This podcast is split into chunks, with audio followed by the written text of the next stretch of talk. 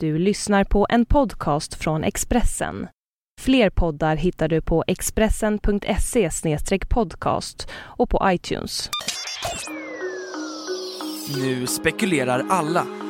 Hur mycket får barnen ärva egentligen? Det här är Expressen Dokument, ett fördjupningsreportage. Varje dag med mig, Johan Bengtsson, som idag läser Thomas Kvarnkullens text om mångmiljonarvet efter järnladyn.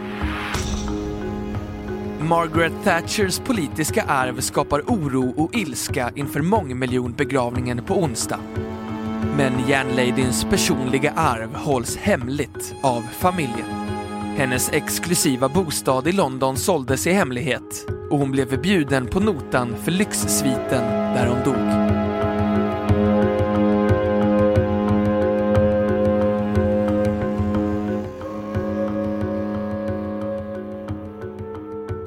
London. När Margaret Thatcher och maken Dennis i november 1990 klev ut från 10 Downing Street var karriären för Storbritanniens första kvinnliga ledare långt ifrån över. Hon var känd som en arbetsnarkoman och hade sovit fyra timmar om natten som premiärminister. Det hade varit ett oväntat val om hon hade dragit sig tillbaka. Trots att hennes tid vid makten var över var hon fortfarande efterfrågad över hela världen. Hon startade en välgörenhetsorganisation och samlade in pengar, reste till USA, Sydafrika och Ryssland och gav föreläsningar. Ett anförande av järnlöjden kostade omkring 300 000 kronor. Hon anlitades också av tobaksjätten Philip Morris som konsult och senare publicerades hennes självbiografi, The Downing Street Years. Thatcher hade fått ett förmånligt kontrakt med förlaget Harper Collins som gav henne omkring 30 miljoner kronor i förskott. Sen kom ytterligare en bok. Några år efter att hon hade lämnat Downing Street uppskattades hennes förmögenhet till omkring 100 miljoner kronor när maken Dennis dog 2003 lämnade han omkring 10 miljoner kronor efter sig. Järnladyn borde ha varit en förmögen kvinna när hon dog. Men efter att flera personer som kände henne uttalat sig om dödsboet har de brittiska medierna den senaste veckan frågat sig hur förmögen var hon egentligen? Margaret Thatcher beskrevs ofta som den enkla handlarens dotter från Grantham och det var en beskrivning som hon själv var förtjust i. Hon gjorde ofta en poäng av sin bakgrund och hur hon betraktade den brittiska ekonomin med småföretagarens ögon. Redan under tiden som premiärminister höll Thatcher hårt i pengarna.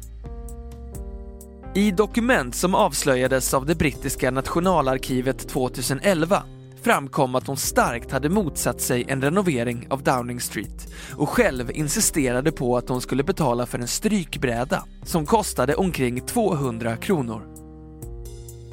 Det gick också att läsa hur hon menade att hon och maken hade sitt eget porslin och därför inte behövde något nytt. Jag kan betala för strykbrädor och andra saker, som tillräckligt med linne för det sovrum vi använder. Resten kan läggas undan skrev hon i ett av dokumenten. Men när hon dog i måndags var det under allt annat än enkla förhållanden. Utanför det femstjärniga lyxhotellet Ritz i centrala London står uniformsklädda anställda med höga hattar och tar hand om de ofta förmögna gästerna. Hotellet är känt för att vara ett av de lyxigaste i London med ett läge nära både Buckingham Palace, Piccadilly Circus och nöjeskvarteren i West End.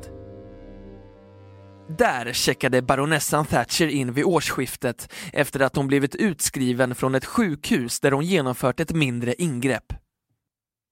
Hon kunde inte flytta tillbaka till sin bostad i den exklusiva stadsdelen Belgravia eftersom trapporna i det fem våningar höga huset var för besvärliga.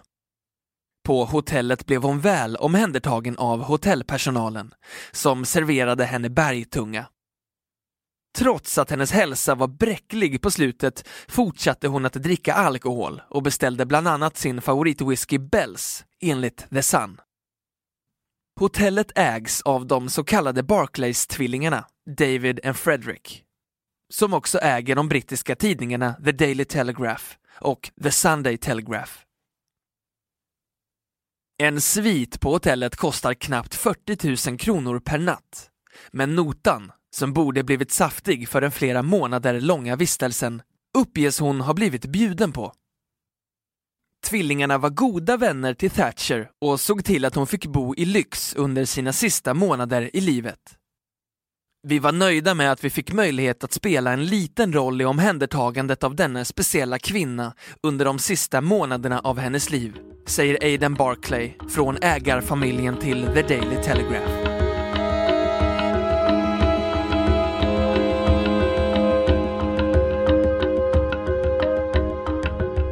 Expressen Dokument, en podcast från Expressen.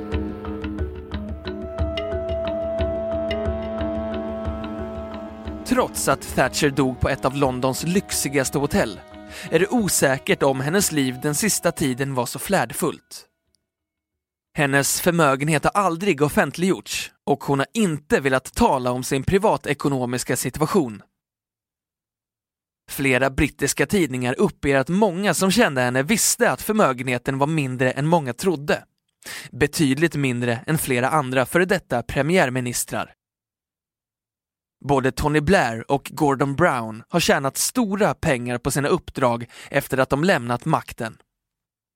En av anledningarna uppges vara att Thatcher inte ville att hennes arvode skulle höjas under tiden som premiärminister. Vänner uppger att hon under 90-talet drygade ut sin årliga pension på omkring 250 000 kronor med välbetalda anföranden. Men efter slaganfallen 2002 var hon tvungen att sluta på läkarnas inrådan. Robin Harris, tidigare talskrivare åt Thatcher, som nu har skrivit en ny biografi, uppger enligt Daily Mail att hennes sista år präglades av oro för att få pengarna att räcka till. Hennes utgifter var mycket större än vad som hade förutsetts. Vårdpersonalen var dyr, skriver han i sin bok enligt tidningen. Och en av de nuvarande ministrarna i kärnan av det brittiska kabinettet, motsvarande regeringen, säger till The Guardian att andra troligen betalade för henne. Min uppfattning var att förmögna anhängare tog hand om henne under de sista åren, säger ministern till The Guardian. Det kan också ha varit så att hon hade råd att bo kvar i den exklusiva bostaden i Belgravia, menar partikollegor enligt The Guardian. Nya uppgifter som den tidningen har publicerat efter hennes död visar att Thatcher inte var registrerad som ägare av bostaden. Fastigheten där Thatcher bodde de senaste 20 åren ligger på en av Londons mest exklusiva adresser, Chester Square. När Expressen besökte gatan efter dödsfallet i måndags stod flotta bilar parkerade utanför och några portar bort från Thatchers bostad tittade hushållspersonalen på Colombias ambassadörsresidens ut mot mediauppbådet. Bland de övriga grannarna i området finns bland andra Roger Moore, J.K. Rowling och prinsessan Madeleines blivande svärmor Eva O'Neill. Enligt uppgifter från fastighetsregistret köptes Thatchers bostad 2006 för drygt 35 miljoner kronor. Ministern säger till The Guardian, någon kan ha köpt den och låtit henne bo där. När The Guardian ställde frågor till familjen Thatchers talesperson om hennes dödsbo fick de till svar att den tidigare premiärministern aldrig talat om sin privatekonomiska situation offentligt och att familjen var angelägen om att detta skulle förbli privat. Familjen, och sannolikt de som kommer att ärva Margaret Thatcher, är hennes tvillingbarn Mark och Carol, 59 år. Relationen till barnen uppges ha varit komplicerad genom åren. Thatchers stora oro var sonen, som flera gånger ställt till det för sig och skapat skandalrubriker. Mest uppmärksammat var när han 2004 greps i Sydafrika misstänkt för inblandning i ett försök till statskupp i Ekvatorialguinea. Efter gripandet kunde han inte återförenas med sin hustru och barn i USA och bodde istället hos sin mor i London under 18 månader. Hon uppges ha varit orolig för hur han skulle klara sig ekonomiskt och han sa till sina vänner att hon var glad att Dennis inte var vid liv och tvingades vara med om skandalen, enligt Daily Mail. Dottern Carol är journalist men lämnade Storbritannien och flyttade till skidorten Klosters i Schweiz efter att även hon skapat skandalrubriker. Hon jobbade för ett program i BBC men fick sparken efter att ha jämfört en tennisspelare med en svart trasdocka. Sen dess har hon skrivit böcker och vann även dokusåpan I'm a celebrity, get me out of here. Enligt Daily Mail ska mor och dotterrelationerna blivit bättre med åren och Thatcher följde Carols medverkan i dokusåpan där hon bland annat åt kängurutestiklar med stort intresse. När Carol Thatcher 2008 i en bok avslöjade att hennes mamma led av demens blev hennes assistenter så oroliga för hur hon skulle reagera att de försökte gömma artiklarna från henne. När hon till slut fick läsa reagerade hon med chock. Dotterns avslöjande betraktades som ett svek. När Storbritannien på onsdag ska ta farväl av den älskade och hatade före detta premiärministern vid begravningen i St. Paul's Cathedral är det med säkerhetsarrangemang som jämförs med det under OS förra året. Kritikernas ilska har inte bara väckts till liv på grund av den politik hon förde och förändrade landet med. Motståndarna är ursinniga för att skattebetalarna ska betala för avskedsceremonin. Kostnaden omkring 100 miljoner kronor enligt uppgifter som Daily Mirror publicerat. Premiärminister David Cameron har försvarat sig med att Margaret Thatcher dragit in betydligt mer pengar till Storbritannien, bland annat genom EU-rabatten hon förhandlade sig till 1984. Men han menade också att en blygsam begravning skulle vara fel.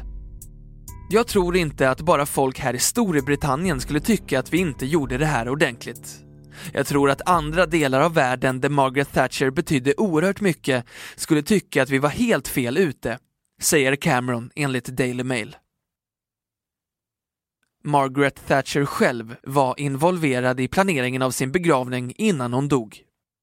Familjens talesman, Tim Bell, säger bland annat att hon ville hålla ner kostnaderna.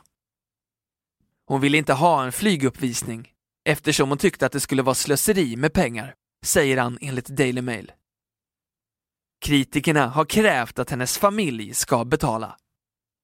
Frågan är bara om järnladyns tillgångar hade räckt till för att betala begravningsnotan.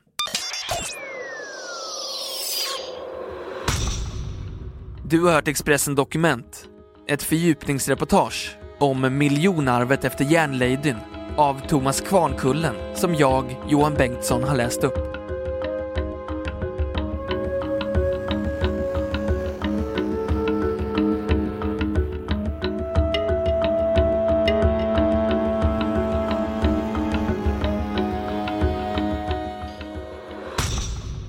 Du har lyssnat på en podcast från Expressen. Ansvarig utgivare är Thomas Mattsson. Fler poddar finns på Expressen.se och på iTunes. Ett poddtips från Podplay. I podden Något Kaiko garanterar östgötarna Brutti och jag, Davva, dig en stor dos skratt. Där följer jag pladask för köttätandet igen. Man är lite som en jävla vampyr. Man har fått lite blodsmak och då måste man ha mer. Udda spaningar, fängslande anekdoter och en och annan arg rant. Jag måste ha mitt kaffe på morgonen för annars är jag ingen trevlig människa. Då är du ingen trevlig människa, punkt. Något Kaiko, hör du på Podplay. Därför arkadeinerna.